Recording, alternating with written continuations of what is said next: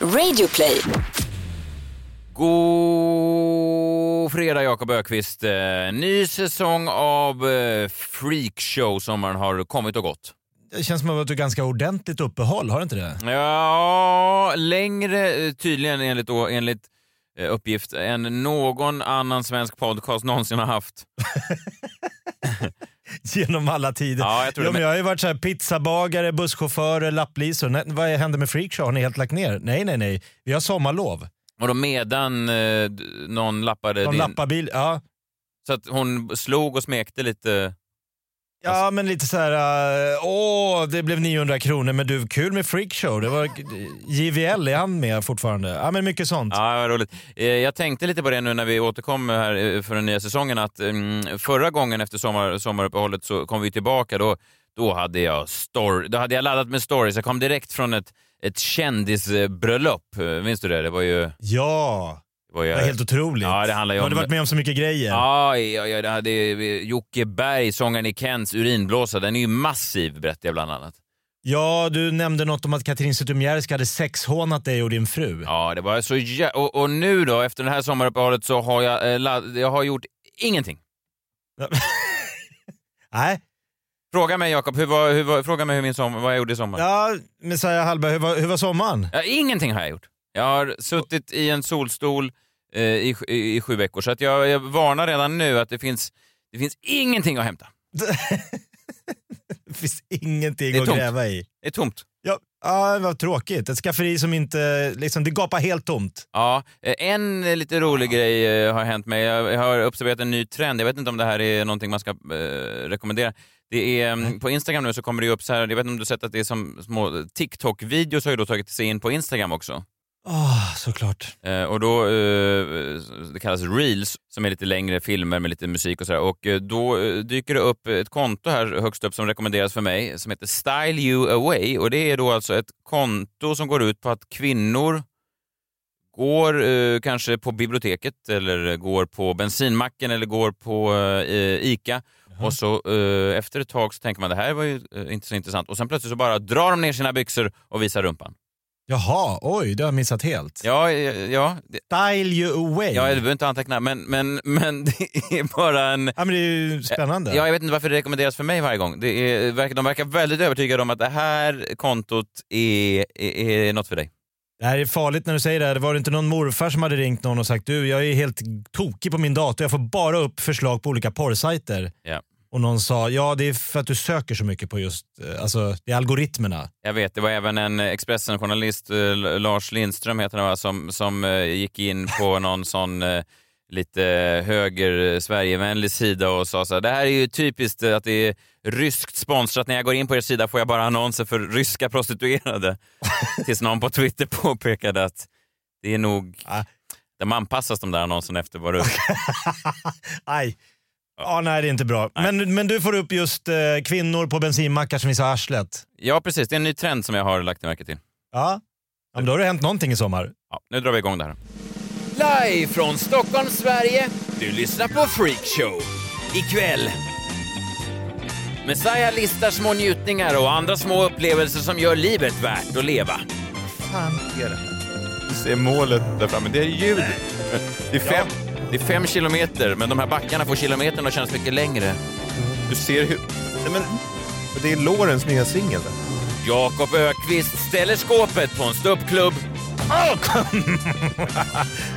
Världslag. Borås, Borås! Det är mer... ja, visst är det roligare? Och JVL hjälper ungdomar med självkänslan vid Vätterns norra strand. Jag kan få ner min vilopuls till 46-47. Jag tror Björn Borg hade 46 när han vann Wimbledon första gången. Glad fredag på er, Freakshow är tillbaka. Sätt er ner i soffan, pausa musiken på nattklubbarna. Det är eh, Sveriges ledande nöjespodcast som äntligen har tagit av sig skygglapparna, parkerat sina fordon och dragit upp eh, bromsarna på de små åkfordon som vi har eh, tagit oss runt på hela sommaren. Ja, jag heter Messiah Hallberg. Hur mår du, Jakob Öqvist? Nej men det är bra. Nu känner jag, nu ställer jag ifrån mig Bacardi Breezen, nu lägger jag solbrillorna på hyllan och eh, hawaiiskjortan får hängas in eh, för, till nästa sommar. Nu är Bra. det höst. Bra. Det är fortfarande så här corona-grejer. Du och jag, Jakob, sitter ju inte i samma studio. Man hade lite hoppats att det här skulle vara över nu. Alltså, man, man jobbade ju fram till sommaren och tänkte att eh, efter s- Nu har vi testat det här. Ja, sommaren känns som en brytpunkt och sen kommer man tillbaka och allt är som vanligt, men så är det inte riktigt än. nej. Nej, inte riktigt än. Eh, och Det innebär också att vi eh, på Freakshow bara kan ha eh, vissa gäster, men som tur är så kan vi ha några av våra bästa gäster, exempelvis John Wilander Lambrell. Hör du mig? Hej hej, jag hör dig. Ja. Kul att vara här igen. Trist att sommaren är över, men det kanske var lika bra. ja, vi sitter ju i samma studio. Ja, det gör vi. Så att vi Ja. Alltså du hör jättebra kan man Ja, säga. jag hörde lite väl bra faktiskt. det var lite väl. Ja. Ja, Eh, Kul att vara här. Kul att ha dig här. jag tänkte prata om lycka, Jakob. Wow, brett begrepp. Verkligen. Jag eh, läser högt. Jag är inte lycklig. Vem är det? Den förälskade, den nyblivna moden, den berusade. Fribrytarna dörren äntligen ger efter, lottovinnaren i fem minuter efter beskedet. Vem mer? Min lycka. Att äntligen hitta ett sätt att leva detta liv. Kanske lycka innan död. Ulf Lundell. Ja, såklart. Ja, eh, ganska eh, bra text som jag bra fångat. Ja, det, det, det är så ofta i, i, i livet och i samhället som man, det där ordet lycka slängs runt eh, som en tagline, som en slogan, den här jakten på lyckan.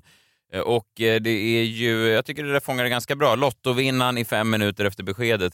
Eh, Vad kanske, hände sen då? Ja, sen så slår man, slås man av vardagens eh, Sen har han bränt alla pengar. kranka blekhet. Nej, han super väl ihjäl sig ofta, lottovinnare. Är det inte ofta de som hamnar... Ja, de skiljer sig, lämnar familj. Efter bara fem minuter? Ja, så jävla snabbt kanske det inte går. Nej. Men det är ofta, det, man blir ju inte gladare som svenska när en lottovinnare hamnar i rännstenen.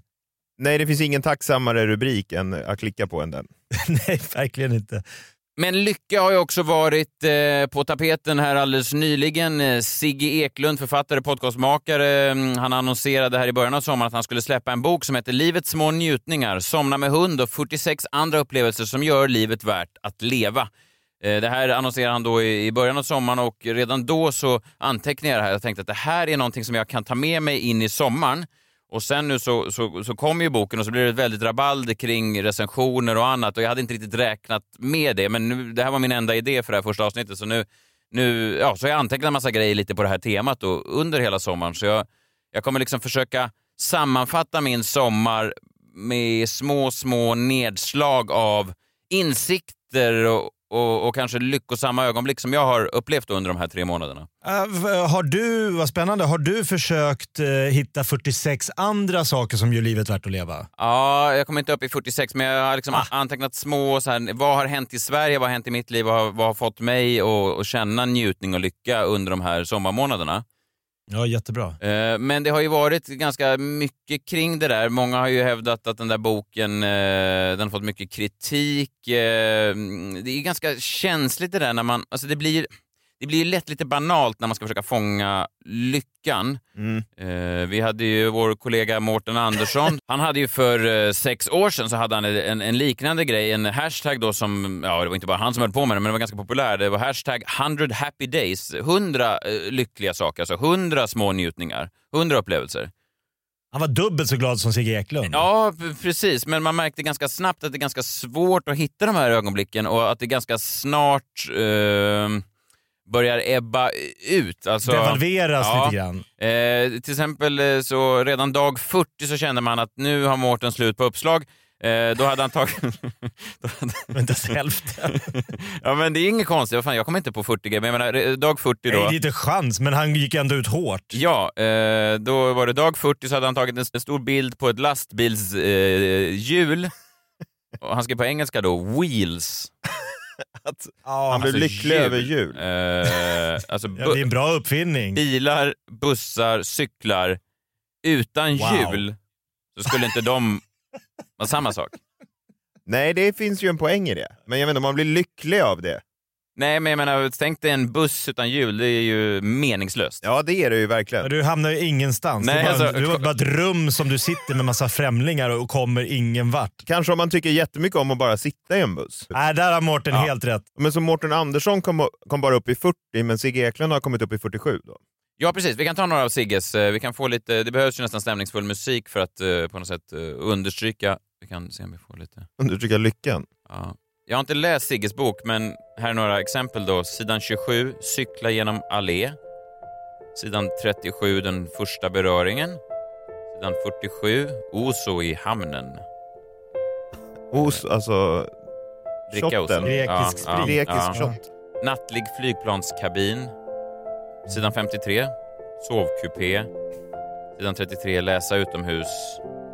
Eh, sidan 77, spaghetti vongole. Och eh, ja, eh, sidan 93, åka skridskor. Hade han fler spagettirätter? Nej, det var bara en. Det var bara en, ja, okej. nej, och jag menar verkligen inte att hå- hå- håna det, men det blir ju, alltså, det kan ju lätt framstå, alltså jag kan förstå kritik mot sådana här böcker. Knausgård, kanske den mest hyllade författaren i, i vår generation, skrev ju fyra sådana här böcker då, eh, årstidsteman, alltså hans favoritgrejer med sommaren, favoritgrej, och då var det också sådana här ganska, vid en första anblick, banala grejer. Alltså det var sådär, fånga en geting i en bur. Eh, till exempel så skrev han lite av det. Springa barfota Ja. i dagg. Ja. Vadå, fånga en geting i en bur? Vad det, Nej, jag vet inte om det var... psykopater som blir lyckliga av det. Ja, kanske inte det var med, men du förstår vad jag menar. Det var... fånga en fri geting och sätta han i Fånga in fängelse. fria varelser och bura in dem. Ja, det var... Lycka. Normen alltså. Då tycker jag ju Sigges är mer rimliga. Ja, det kanske inte var med, men ni förstår vad jag menar. Ja. Eh, Men i alla fall, många har då kritiserat den här boken och Sigge Eklund har liksom eh, sprungit gatlopp efter recensionen. Han har gästat olika nyhetsstationer och gästat olika nyhetsprogram och, och, och, och liksom försökt besvara sina recensenter, sina kritiker. Vi kan lyssna lite hur det lät när han gästade SVTs eh, Morgonstudion.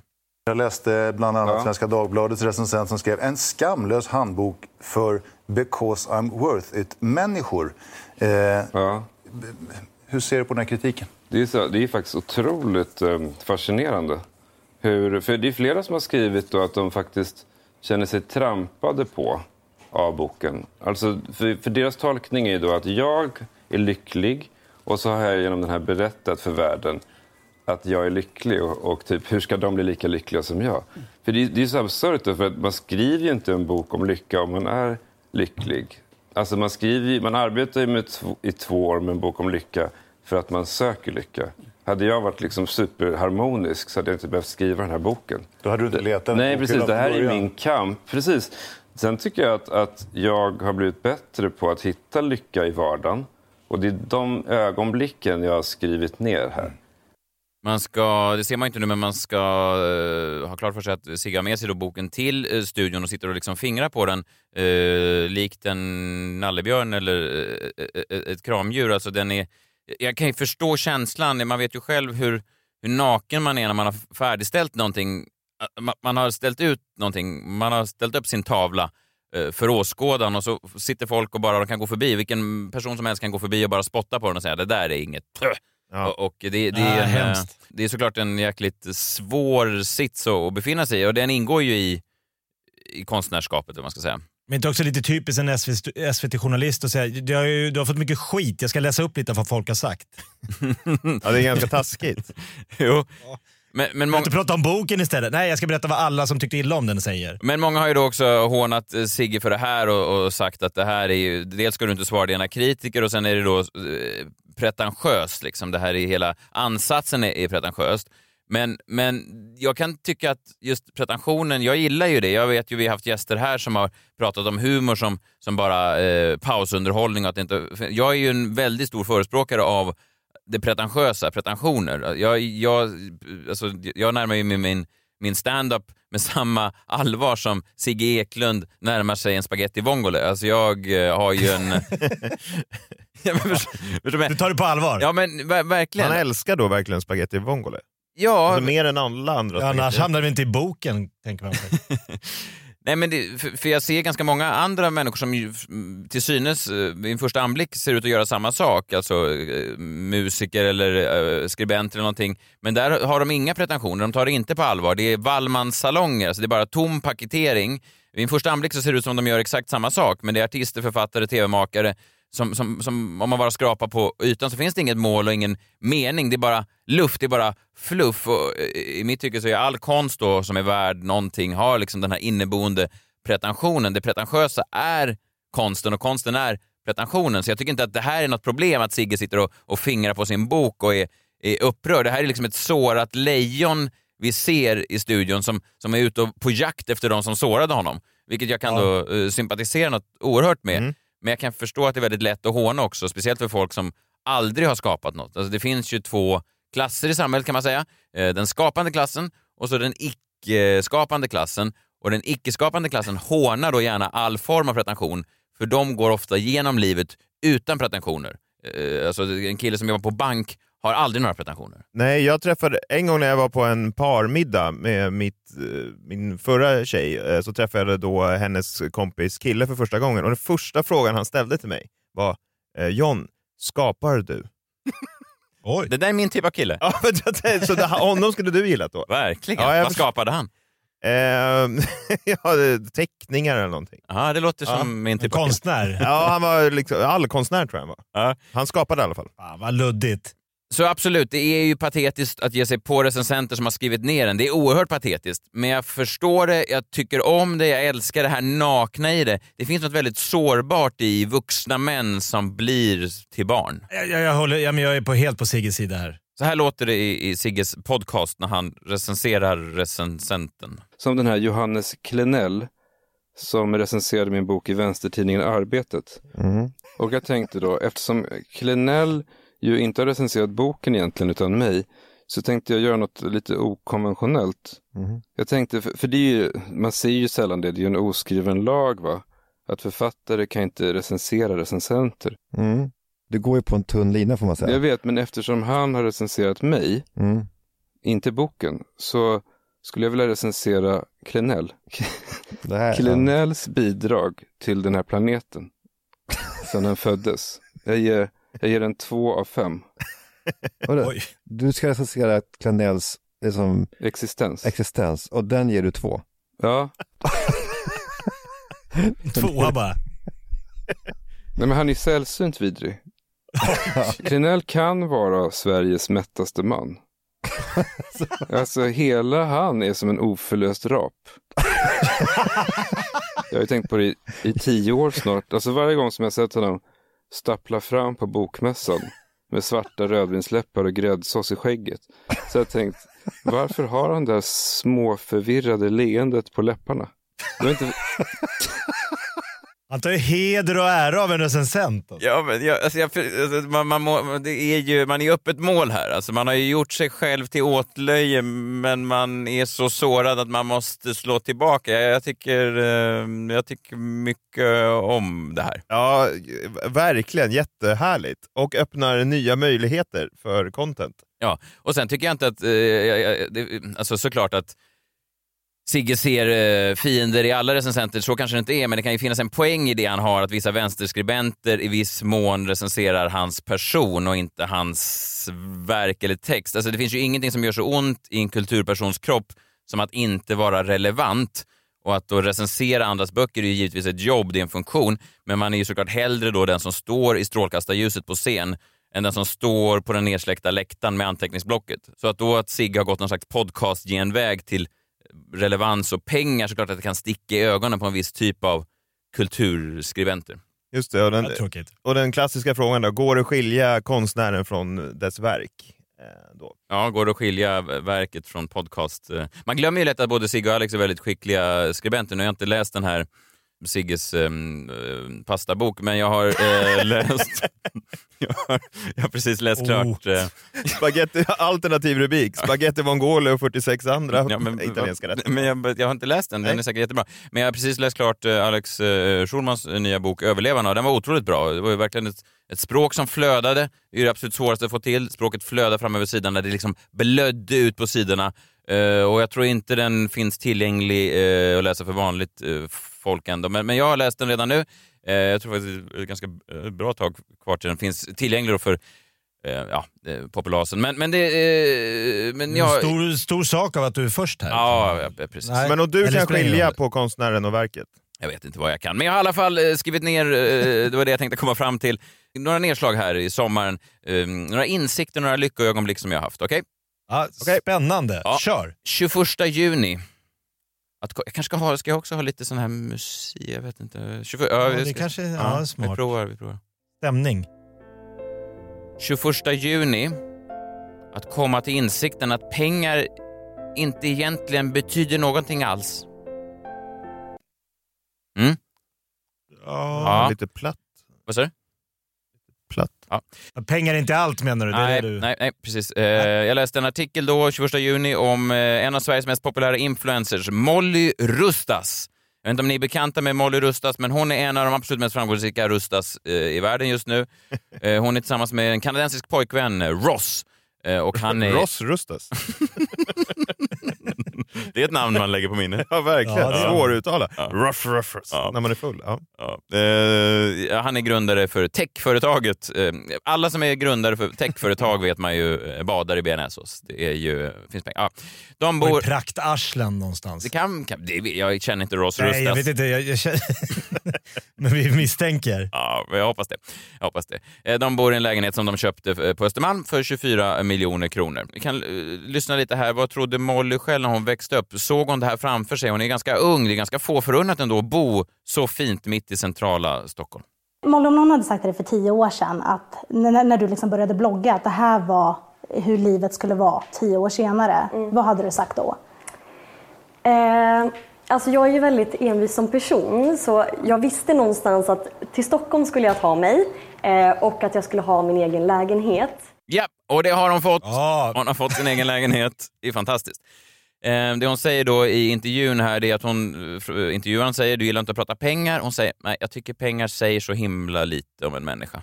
Jag är så ointresserad av pengar som man bara kan bli. I min familj har vi aldrig pratat om pengar som att det är viktigt. Jag tycker att alla människor är lika mycket viktiga oavsett ekonomi. Ja. Och det är ju ganska fint. Alltså, Ja, hon bryr sig inte om pengar. En sak som bara slår mig snabbt det är att alla människor som säger så här, det är väldigt sällan de bor på gatan. Så, alltså, Nej, det är sant. det är ofta, jag träffade eh, ett par som vi känner lite eh, ytligt i somras och de hade precis kommit hem. De hade efter ett år, här- jag frågade hur, oh, vilken tuff vår. De sa så här, vi har faktiskt inte eh, riktigt märkt av det för vi var på en sån här gated community i Spanien där vi, vi bor även där. Och, och eh, ja, där fick de tydligen röra sig fritt. Och, innan, och så sa de, det är så annorlunda mot i Sverige. Eh, De fångar verkligen dagen där nere. De, de sätter hälsan först. Inte jobb och sånt först, utan hälsan först. Ah, just det. Inte jobba hela livet. Nej. Många, det är ju det här att man ångrar sig i slutet på livet, att man har jobbat bort året. Ja, de hade kommit på det, att det är bortkastat. bättre att att liksom fånga dagen och le- kanske ligga vid poolen. Ja, just det. Alltså, och det är återigen, eh, då är pengar inte det viktiga. Nej, men nej. Nej. Ofta kommer det här från folk med pengar. Det, det, Inga fattiglappar som säger så, nej. nej, det är inga influencers som någonsin dejtar en fa- Jag skulle vilja ha, vilken är Sveriges första eh, stora influencer som bara dejtar en fattiglapp? Gud vad spännande. Ja, en hobo. Ja, Alltså en, en snygg, stilig, stark kvinnlig influencer som bara, här är min pojkvän, Jobo. Kanske han heter. han ska rim, hans namn ska rimma på hobo. Ja, Blondinbella. Blondinbella har ju bytt Ja. tjej, eller bytt partner, men inte, hon gick inte heller nedåt i ekonomisk grad. Nej, fast kanske lite ändå. Hon är väl det närmsta vi har kommit. Ja, Molly Rustas avslutar i alla fall intervjun här eh, med att prata mycket om att hon inte ja, hon vill inte prata pengar och så vidare. Eh, intervjuaren säger, eh, ni trivs ju väldigt bra här i er lägenhet på Östermalm, men ni har börjat prata nu om att flytta till hus istället. Svarar Molly, vi är båda uppvuxna i hus, eh, spontan som Russ är. Han är så himla spontan, det, det, det har jag fått med mig av Russ. Han, han sa, ska vi inte börja kolla på hus då? Eh, och dagen därpå gjorde de det. ja, eh, vi får se var det landar. I framtiden lutar det åt att vi bor i Marbella under vinterhalvåret och så pendlar de mellan eh, Marbella och lägenheten i Stockholm. Men hon är så ointresserad av pengar som hon bara kan bli. Och det är, det, Ja, det jag- är bra. Också Ja. lättare att vara spontan när man har pengar. det är mycket möjligt. Ja, ja. Vi går vidare. Eh, 23 juni. Två dagar senare. Ja, visst. Att knata ner till bryggan och hämta upp morgontidningen. Att hämta upp dagens DN och sen läsa den i solskenet. Ja, det tycker jag om. Ja. Eh, Ja. 20... 25 juni, Ja, dagen efter. två dagar senare. Att samtalet är den främsta bryggan mellan två främmande människor. Ja. Eh, Det är då att jag eh, lyssnade på eh, en podcast som släpptes då med Alexander Bard och Navid Modiri. Eh, Navid har en podcast eh, som heter Hur kan vi? Och eh, Alexander Bard gillar att prata. Och eh, då förenades de i slutet av juni. Och Det var ett jävla härligt samtal. Om man med samtal menar att en person pratar oavbrutet om sig själv i två timmar medan den andra möjligtvis har lite av en erektion. En erektion? Ja, Det vet vi ingenting om. Nej, men jag misstänker... Vadå, att Navid har erektionen? Navid älskar ju samtalet. Ja, just det. Ja, och, Han vill hela tiden, alltså hur kan vi prata vidare och sådär? ja, eh, och det finns ingenting som pratar så mycket som Alexander Bard. Man kan veva upp honom i rumpan och så pratar han obry- Och han är ju, jag ska säga det att eh, Alexander Bard, Ni är verbal va? otroligt verbal och det är ingen i Sverige som kan hålla ens uppmärksamhet eh, så mycket som eh, Bard. Nej, väldigt karismatisk. Väldigt Bra karismatisk. svung. Ja, och han har, det är nästan som att det finns någonting i det svenska språket som egentligen eh, motverkar det här naturliga flödet. Eh, men Bard har nästan på ett amerikanskt sätt eh, lyckats ta sig igenom de barriärerna och, och kan sitta i två, två timmar och, och man, är, man lyssnar extremt noggrant hela tiden. Ja, ja, verkligen. Nej, han är otroligt bra på att prata. Vi kan lyssna lite. Jag har klippt ut här lite grejer när Alexander Bard pratar om grejer som intresserar eh, Alexander Bard. Men snälla du, jag sitter idag som första manliga gäst på en internationell webbcast med techtjejer. Vem vill nog lyssna på Alexander Bard? Alla etablerade intellektuella svarta i USA håller med mig, rungande håller med mig i den här frågan. Och då kan jag lika gärna skriva en bok i filosofi eftersom jag är begåvad på det. Jag har skrivit fem böcker innan, varsågod och läs om det blir smart. Jag får alltid invandrare med mig, jag får alltid arbetarklassen med mig, jag får de kloka äldre kvinnorna med mig, jag får definitivt de kloka äldre männen med mig. Äldre kvinnor älskade mig för det. Och då kan du läsa till exempel min och Viktor Wibloms text när, när prinsessan blev tyrannen. Yeah. Och då läser man den texten och så kan man sätta sig in i texten. Det är 20 000 tecken, det är ett halvt bokkapitel. Men ska du få ett uttömt ämne av vad som är fel i vårt samhälle idag så finns allting med i den texten. Om du sen vill veta hur sjukt vårt samhälle är historiskt, då sätter du ner och läser Digital libido av Alexander Bard och Jan Söderqvist. Och de studenterna som gör det kommer i de smarta hjärnorna som är nästa generation professorer. Nätverk med äldre kvinnor i näringslivet ringde omgående och sa att vi vill ha Bard. Den enda man som förstår oss. Ja.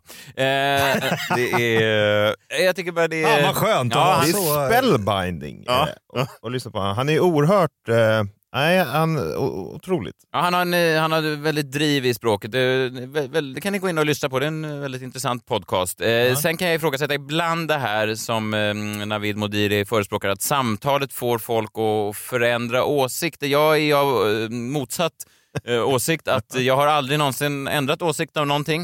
Eh, Eller tre gånger eh, har jag ändrat åsikt i hela mitt liv. Ja. Eh, där jag då hade en fast övertygelse och sen så ändrade jag åsikt. Eh, jag tar... På grund av samtalet? Nej. Ja, det skulle kunna vara samtalet. Det här var innan Modiris tid. Men det var ju, ja. Eh, Första gången jag ändrade mm, åsikt, det var kring Öresundsbron. Jag var stark motståndare till att den skulle bygga. Vad fan, när var det här? Det var slutet på Ja, 90-talet? nej, det var i mitten av 90-talet någon gång och eh, jag vet att min pappa sa att det kommer bara in massa droger och skit. Eh, Så jag i- väldigt Ja, var tidigt... lite dansk rasist. Ja, jag vet inte, vad, men jag var övertygad om att Öresund... Och nu kan jag tycka Du måste ha varit Sveriges yngsta bromotståndare. Ja, ja verkligen. Ingen som ens snuddade vid tanken på att ha en åsikt. En medlem. Ja, men jag var tidig där med mitt plakat. Eh, Men nu tycker jag, vad fan, det var ju konstigt. Ja, det vände. Ja, Ja, det vände. Så där ändrade jag åsikt. Andra gången, jag var övertygad om O.J. Simpsons oskuld. Oj. Oskuld, ja okej. Ja, när hans eh, friande dom kom så sa jag ja!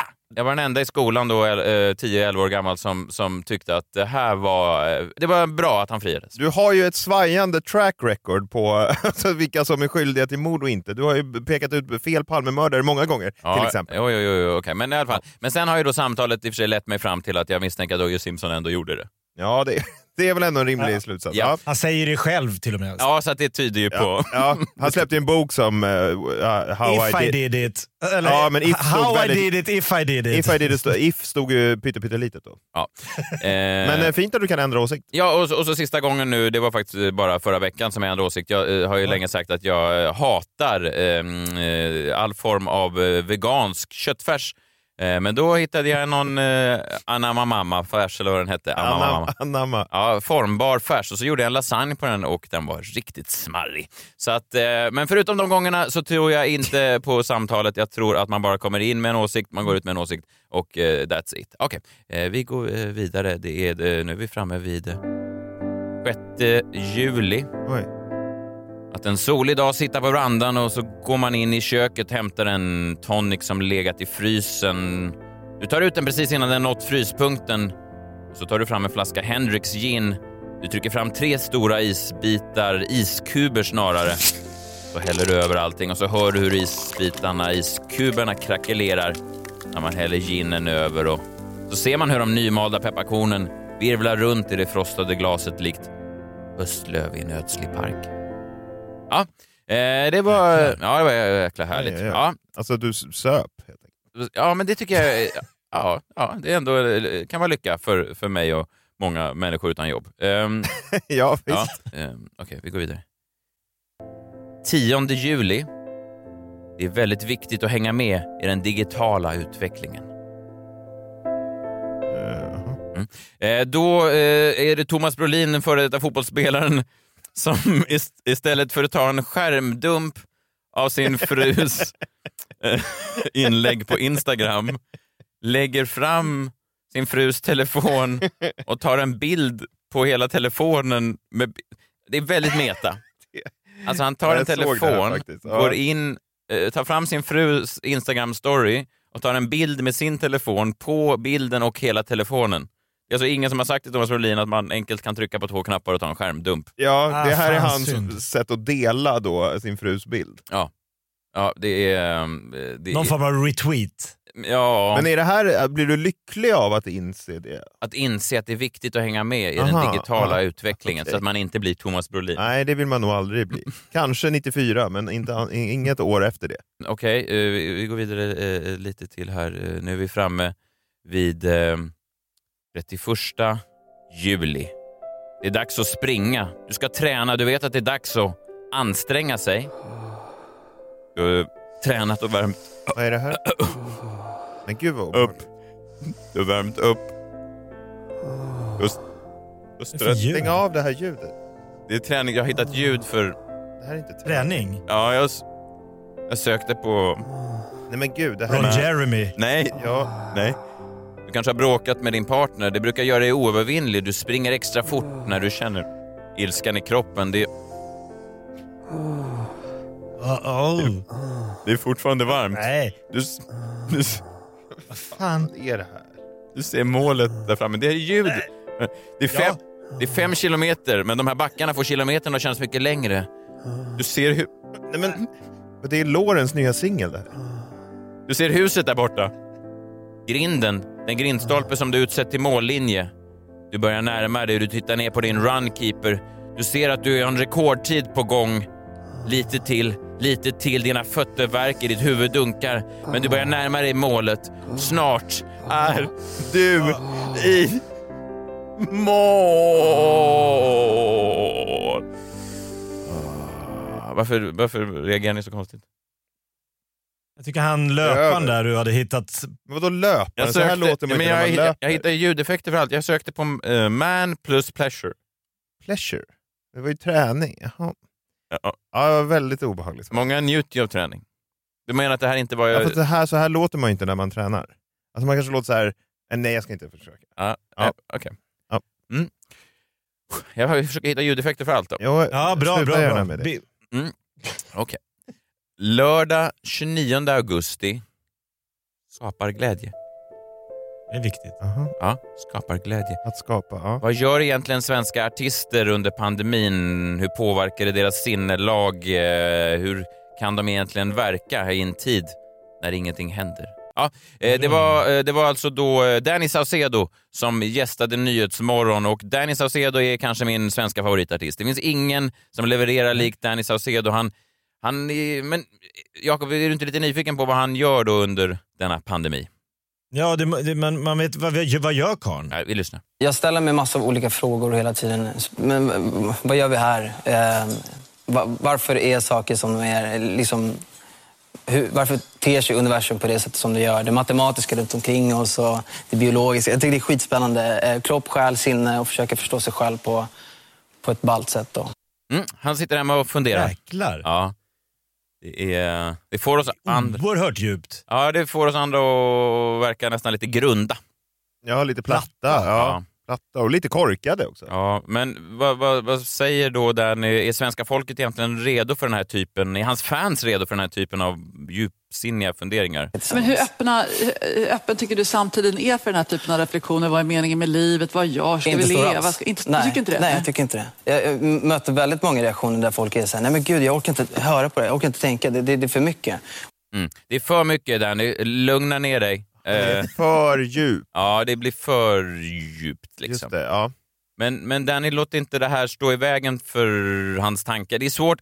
Alltså, vill man verkligen gå fram till en eh, kärnfysiker och säga sluta kärnfysisera? Nej men, Säkert. nej, men man kanske, om kärnfysikern tidigare har varit alltså, popidol, så kanske man säger det. Alltså gå tillbaka till det enkla, i- alltså Shake That Ass-singeln ja, gillade jag. Ja, men det kan inte Danny göra tyvärr. Han måste fortsätta tänka. Nej, men jag har mycket tid och det går åt det här. Jag gör inte så mycket annat utan att sitta och läsa om eh, kvantfysik och försöka förstå mig på det på ett sätt och implementera det i mitt liv och förstå att okej, alltid små vibrationer, alltid små paket av vibrationer och det bygger upp oss. Jag är ett moln som heter ja, Danny Saucedo. Av... Han är ett moln som heter Danny Saucedo. Man har implementerat. Ja. Ja. eh, Så det är bara otroligt ändå som en inspiration, tänker jag, att, att, eh, att, att svenska artister inte ligger på latsidan när det är en pandemi och de inte skapar någonting, utan de sitter hemma och funderar över alltings eh, ursprung och... Ja, men det, han, verkligen. Och Erik Saade, han var ju på någon så här Ibiza-semester med lite influencers. Det här är ju motsatsen till det. Liksom. Ja, men det, de har ju verkligen...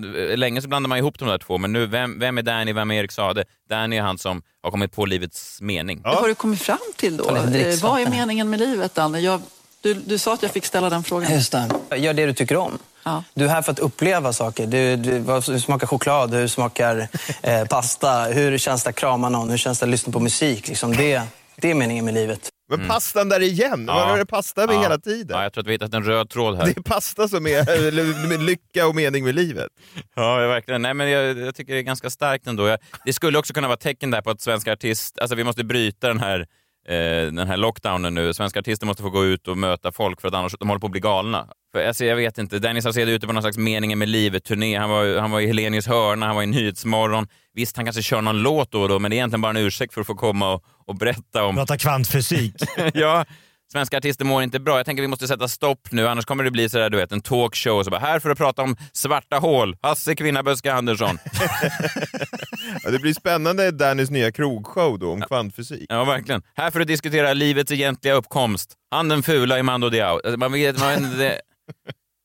Här- för att diskutera feminism. Sara Larsson, ni har ju själv, det skulle spåra ur helt. Det skulle Ja, inte... det- aha. ja, det går inte alls. Alltså, Nej, det, nej, nej. nej, det blir liksom, risken är att man landar i någonting ganska apart och lite konstigt. Jag är ett moln som heter ja, Danny Saucedo. Av... Ja, han är ett moln då?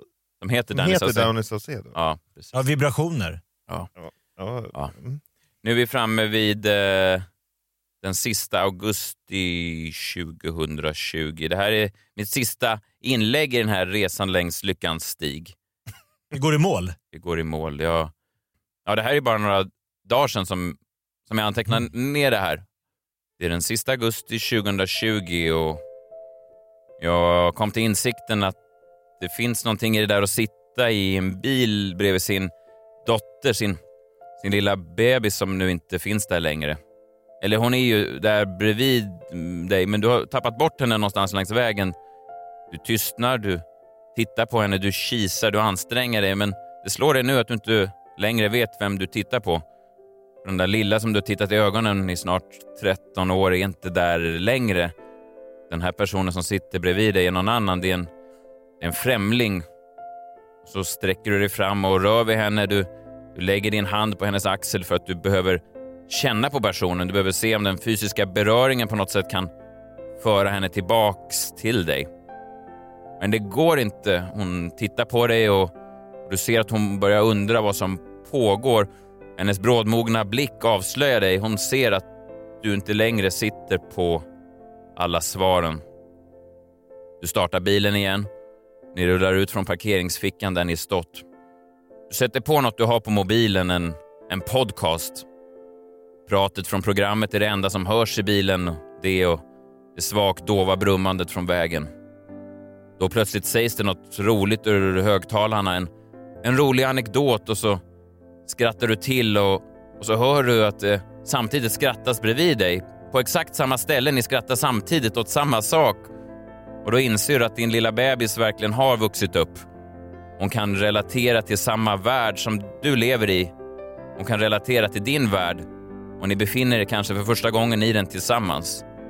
Och du förstår att trots hennes utseende numera är annorlunda och att det har förändrats så är ni fortfarande sammanbundna, ni är fortfarande förenade, ni är ett.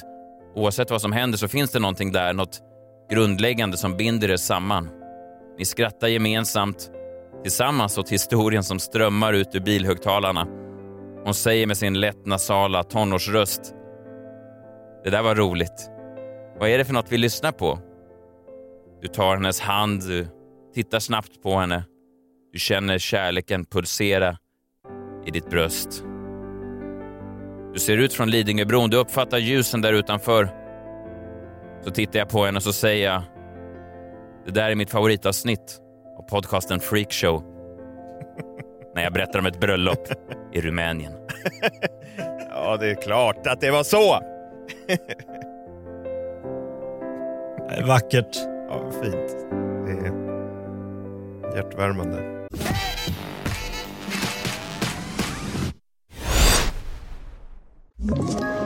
Ett poddtips från Podplay. I podden Något Kaiko garanterar östgötarna Brutti och jag, Davva, dig en stor dos skratt. Där följer jag pladask för köttätandet igen. Man är lite som en jävla vampyr. Man har fått lite blodsmak och då måste man ha mer. Udda spaningar, fängslande anekdoter och en och annan arg rant. Jag måste ha mitt kaffe på morgonen för annars är jag ingen trevlig människa. Då är du ingen trevlig människa, punkt. Något Kaiko, hör du på Podplay. Därför är gardinerna. Härligt. Vilka insikter du har kommit till i Ja, verkligen. verkligen. Vilken sommar. Det kanske är bra att vara hemma och sitta och bara tänka. Ja, försök toppa de här insikterna ni.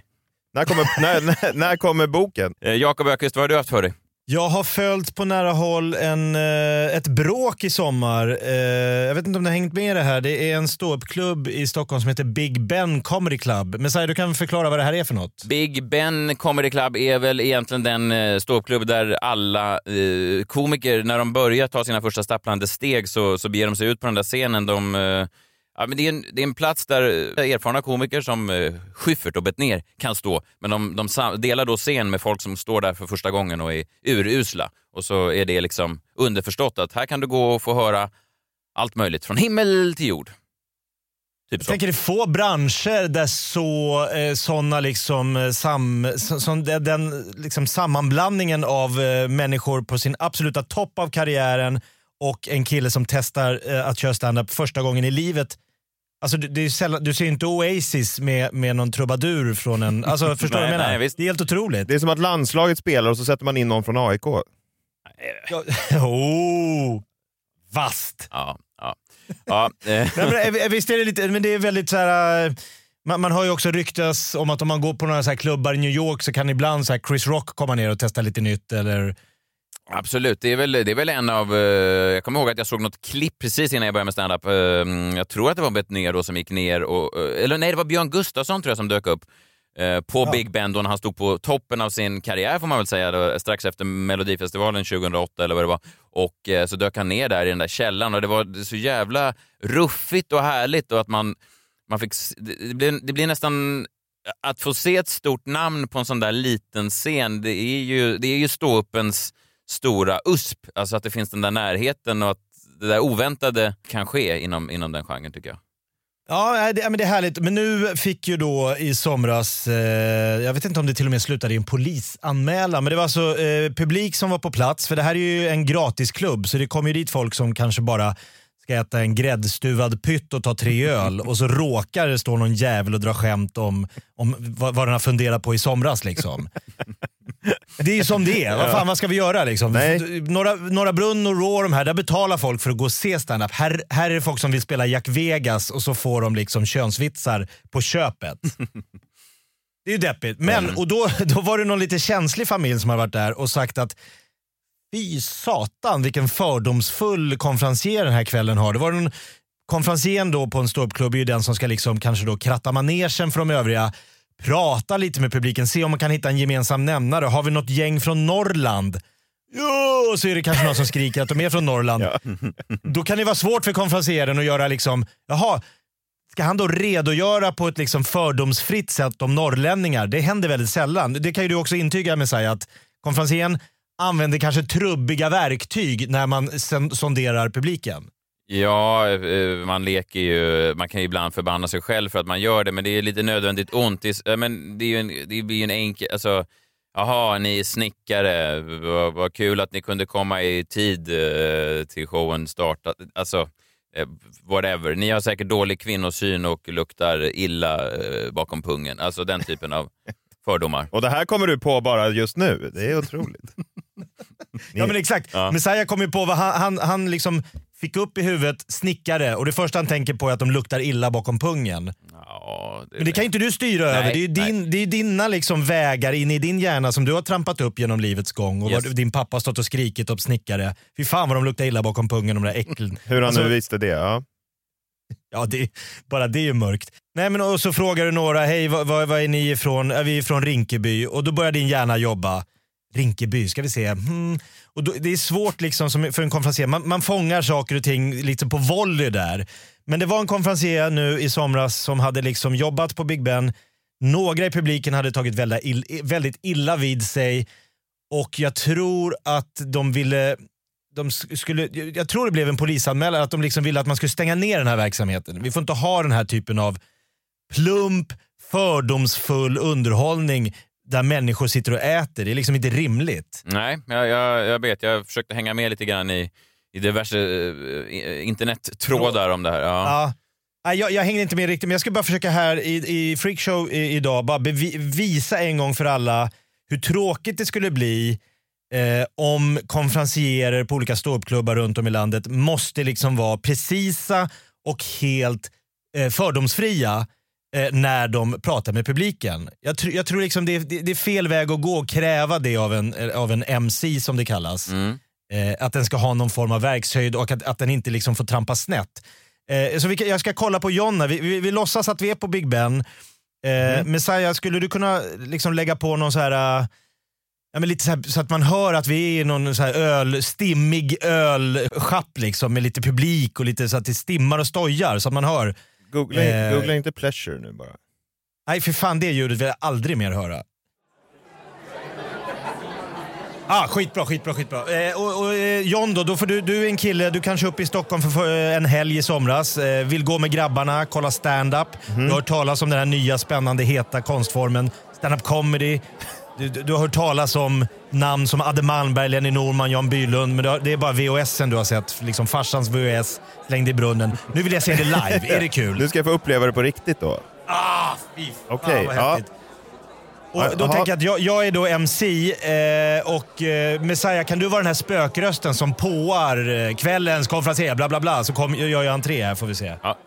Ni har hört honom på morgonen, ni har sett honom på kvällen. Här är han, min bästa vän Jakob Jake the Snake Ökvist. Hallå Big Ben Comedy Club! Hur är läget? Nej, nej, nej, nej, nej, nej, nej! Det där duger inte! Vad fan, det låter som att vi är på Fonus. nej, ni måste liksom... Eh, Hur är läget? Bra! Ah, oj, okej, oj. Här sitter en kille längst fram. Ja. Lilla Beirut som vi kallar det i standup-världen. Du sitter på Lilla Beirut grabben. Jaha, okej. Lilla Beirut hamnar du på. Eh, vad vad- vad heter du? Eh, Stef Stefan. Stefan. Eh, Stefan är ju då ett mansnamn med ursprung i det forngrekiska namnet Stefanos som betyder då krönt, bekransad. Eh, men inte i religiösa sammanhang utan i samband med idrott och olika tävlingar i det förkristna Grekland. Jaha. Hör ni det? Det blir liksom inget, det är inte så kul. Eh, väldigt, väldigt informativt, men Ja. inte så kul. Nej. Nej, inte, Namnet kom att bli vanligt i armeniska, namnet blir väldigt vanligt i kristen tradition efter den första kristne martyren, Sankt Stefan. Har du, Goog, alltså, har du mobilen? Nej, det här är... Va? Du har mobilen framför då och googla snabbt Stefan. Du alltså, googlar läser mitt namn. Högt då. Nej, vi, sk- sk- ja, vi skiter i namnet. Var, var kommer du ifrån, Stefan? Eh, Borås. Är du från Borås?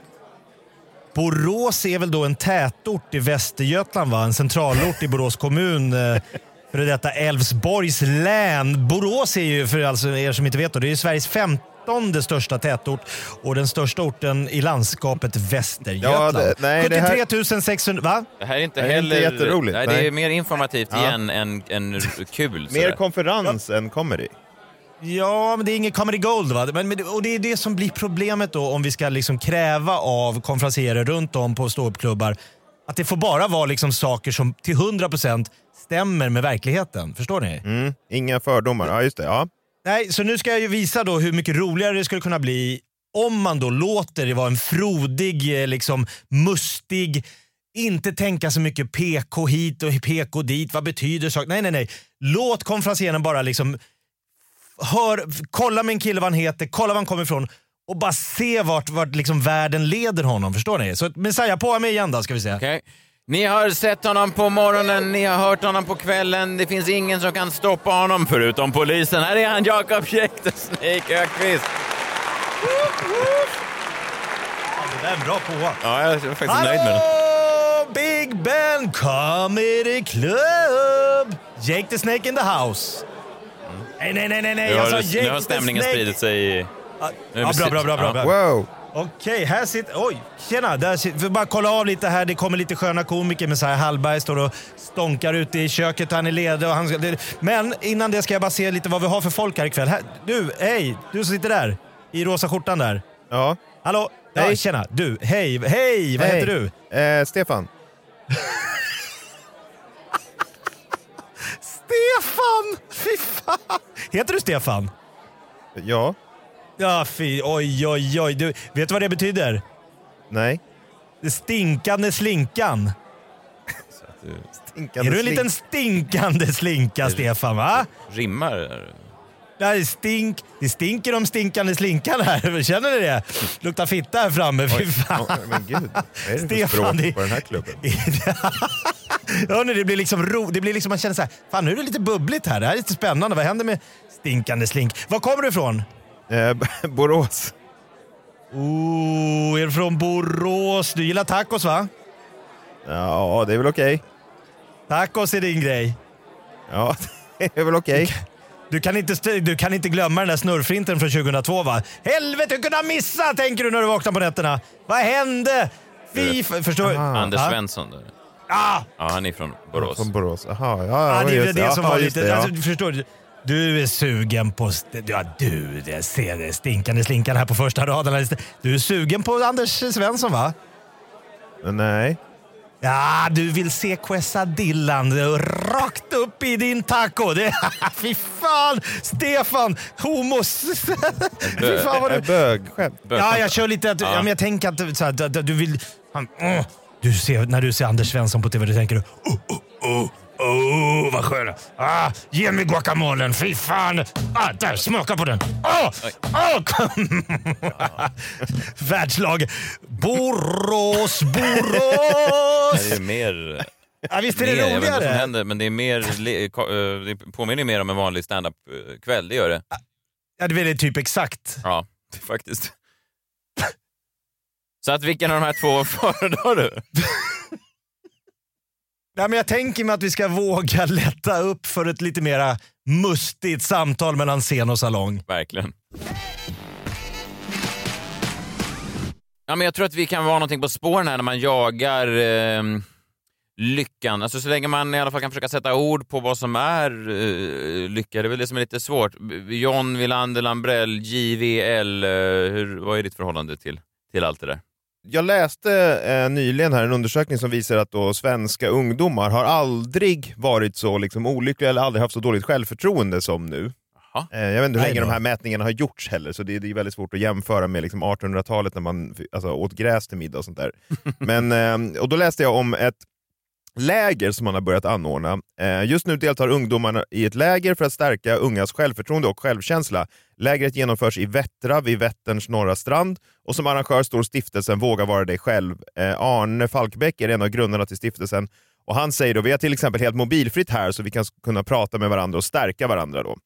Eh, och Då tänkte jag, men vad fint att stärka ungdomars eh, självkänsla och självförtroende. Och sådär. Eh, men sen så tittade jag på ett inslag då på Nyhetsmorgon och då tänker jag, man behöver kanske inte åka hela vägen till Vätterns norra strand, eh, var, det, var det nu ligger, eh, för att få bättre självförtroende. Jag tror bara man behöver titta till Björn Ranelid. Ah, man, man eh, skär ner de geografiska avstånden och går direkt till kärnan. Ja, exakt. ja, ja. Precis, för eh, han var med i en intervju då på Nyhetsmorgon om sin nya bok, eh, Bill Nilssons sista vita skjorta. Otroligt Ranelidsk titel. Ja, eh, rätt bra titel. Bill Nilssons vita skjorta. Bill Nilssons sista vita skjorta. Han har haft flera, men nu är han nere vid sin sista. Han har bara en kvar då. Vad har, Nej, hänt, sista, ja. vad har hänt med de andra De skjortorna? hos kemtvätten kanske?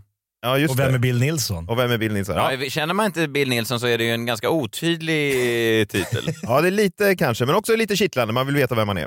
Men vi kan ju lyssna på ett litet exempel här på eh, Björn Ranelids självförtroende. Då. Jag är alldeles för känd, alldeles för berömd, alldeles för älskad. Och det ser jag med glimten i ögat därför att man måste kunna skoja lite. Eh, jag tycker man ska kunna bjuda på skrattet. Jag bjuder på skrattet så jag, jag blir varse min andning. Och min puls kan jag, jag kan få ner min vilopuls till 46-47. Jag tror Björn Borg hade 46 när han vann Wimbledon första gången.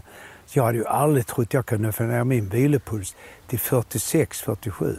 Otroligt. Han eh, jämför sig här med, med Sveriges främsta tennisspelare genom alla tider och att han då var eh, typ som Björn Borg eller till och med ännu bättre. Ja, alltså eh, Björn Borg när han vann Wimbledon. Ja, han har samma då vilopuls eller något konstigt. Är det här nu?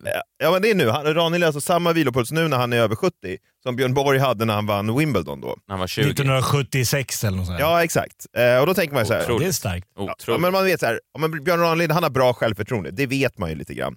Eh, han har ju alltid varit lite så här, men sen så avslöjas det något om hans nya bok som jag tror slår nästan allt och som gör alla läger vid Vättern, eh, norr, eh, eller, norra eller södra stranden, liksom helt onödiga. Man behöver bara liksom, om man bara kan få ett, ett, en promille av Björn Ranelids självförtroende här så är man hemma. För ni vet hur det är på framsidan på böcker så kan det ibland finnas citat från typ någon annan författare eller från en rec- recension eller sådär. Ja, det kallas väl för Ja, blurb. Ja, exakt. Ja. Och då tänker jag så här, Sigge Eklund kanske inte, han kanske inte har en blurb då från den här Kellner då på arbetet. Lenell. Krenell, just Nej. det. och, eh, nej, så det är ju, men om någon har skrivit något positivt så brukar man ju, ja men det kan ju vara bra, någon annan har gått i god för boken. Då, så här. Vi kan ju lyssna lite hur, hur eh, det kan låta. Då. Bill Nilssons Sista vita skjorta heter din eh, senaste roman och eh, någon har skrivit så här om den. Läs romanen Bill Nilssons Sista vita skjorta och jag lovar er att ni inte blir besvikna. Ty det är ett litterärt mästerverk. Vem har skrivit det här? Ja, då tänkte jag Jakob och Messiah, jag ger er tre alternativ. Eh, Vem har skrivit det här då på framsidan på Björn Ranelids bok? Är det ett, eh, Dagens Nyheters litteraturrecensent Jonas Tente? Eh, är det två, SVT-programmet Babels programledare Jessica Gedin? ja, det är också fint såklart. Ja. Eller är det tre, Björn Ranelid? Nej, det är väl... eh, Messiah pratar om att det är ofint att ge igen på recensenten, men man ska väl inte recensera sin egen bok? Jag skulle säga att det är att- ännu mer ofint, ja. ja. Ja, det är så. Jessica Gedin såklart. Ja, vad tror du då Messiah? Eh, Nej, jag tror inte Babel går eh, just nu, så jag tror i så fall Tente. Då lyssnar vi på svaret. Vem har skrivit det här? Det har jag skrivit. Kände du att du behövde en egen recension? Nej, men det, det är skrivet i all ödmjukhet. Ja, I all ödmjukhet. ja det är ju ändå, eh, ja, men det är ändå ganska starkt. Då. Han kallar det då för ett litterärt mästerverk då, i eh, recensionen av sig själv, eh, om sig själv. Då. Ja, om, om det här är då hans recension i all ödmjukhet vill man nästan inte läsa den icke ödmjuka recensionen av sig själv. För, alltså. Nej, exakt. Och man undrar ju då... Men det är så- bra att han är ödmjuk när han recenserar sig själv. Ja, och man undrar ju då, är det något specifikt som gör det till ett mästerverk? Alltså varför, hur kan han vara så säker eh, på det? Det måste ju vara någonting liksom specifikt då som, som gör det En här liten till... detalj. Ja, eller liksom så här, kanske en grej som det här har Mm. han verkligen satsat på. Då. Eh, eller är det kanske mer än en sak? Men du kände alltså att när du var klar med den här romanen att det var ett litterärt mästerverk? Ja, det är ett litterärt mästerverk. På vilket sätt är den det?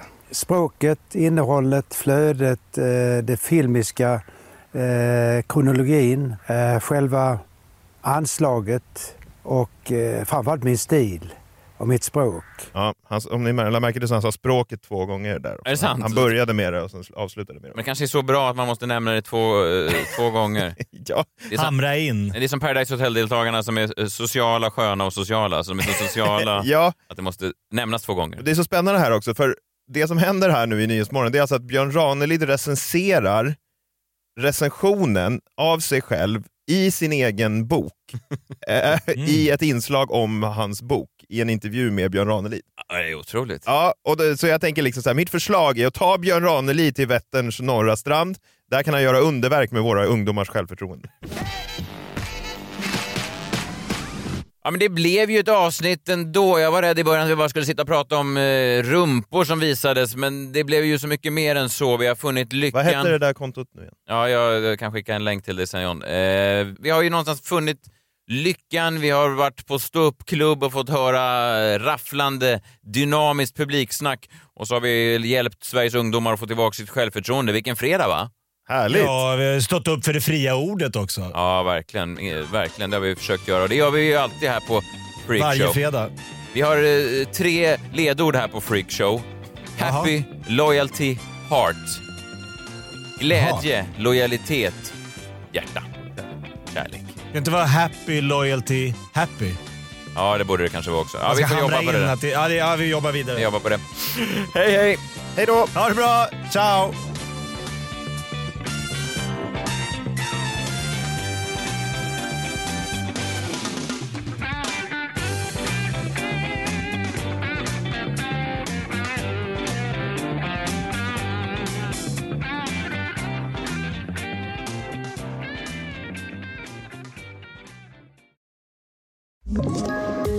Poddtips från Podplay. I fallen jag aldrig glömmer djupdyker Hasse Aro i arbetet bakom några av Sveriges mest uppseendeväckande brottsutredningar. Går vi in med hemlig telefonavlyssning och, och då upplever vi att vi får en total förändring av hans beteende. Vad är det som händer nu? Vem är det som läcker? Och så säger han att jag är kriminell, jag har varit kriminell i hela mitt liv men att mörda ett barn, där går min gräns. Nya säsongen av Fallen jag aldrig glömmer på Podplay.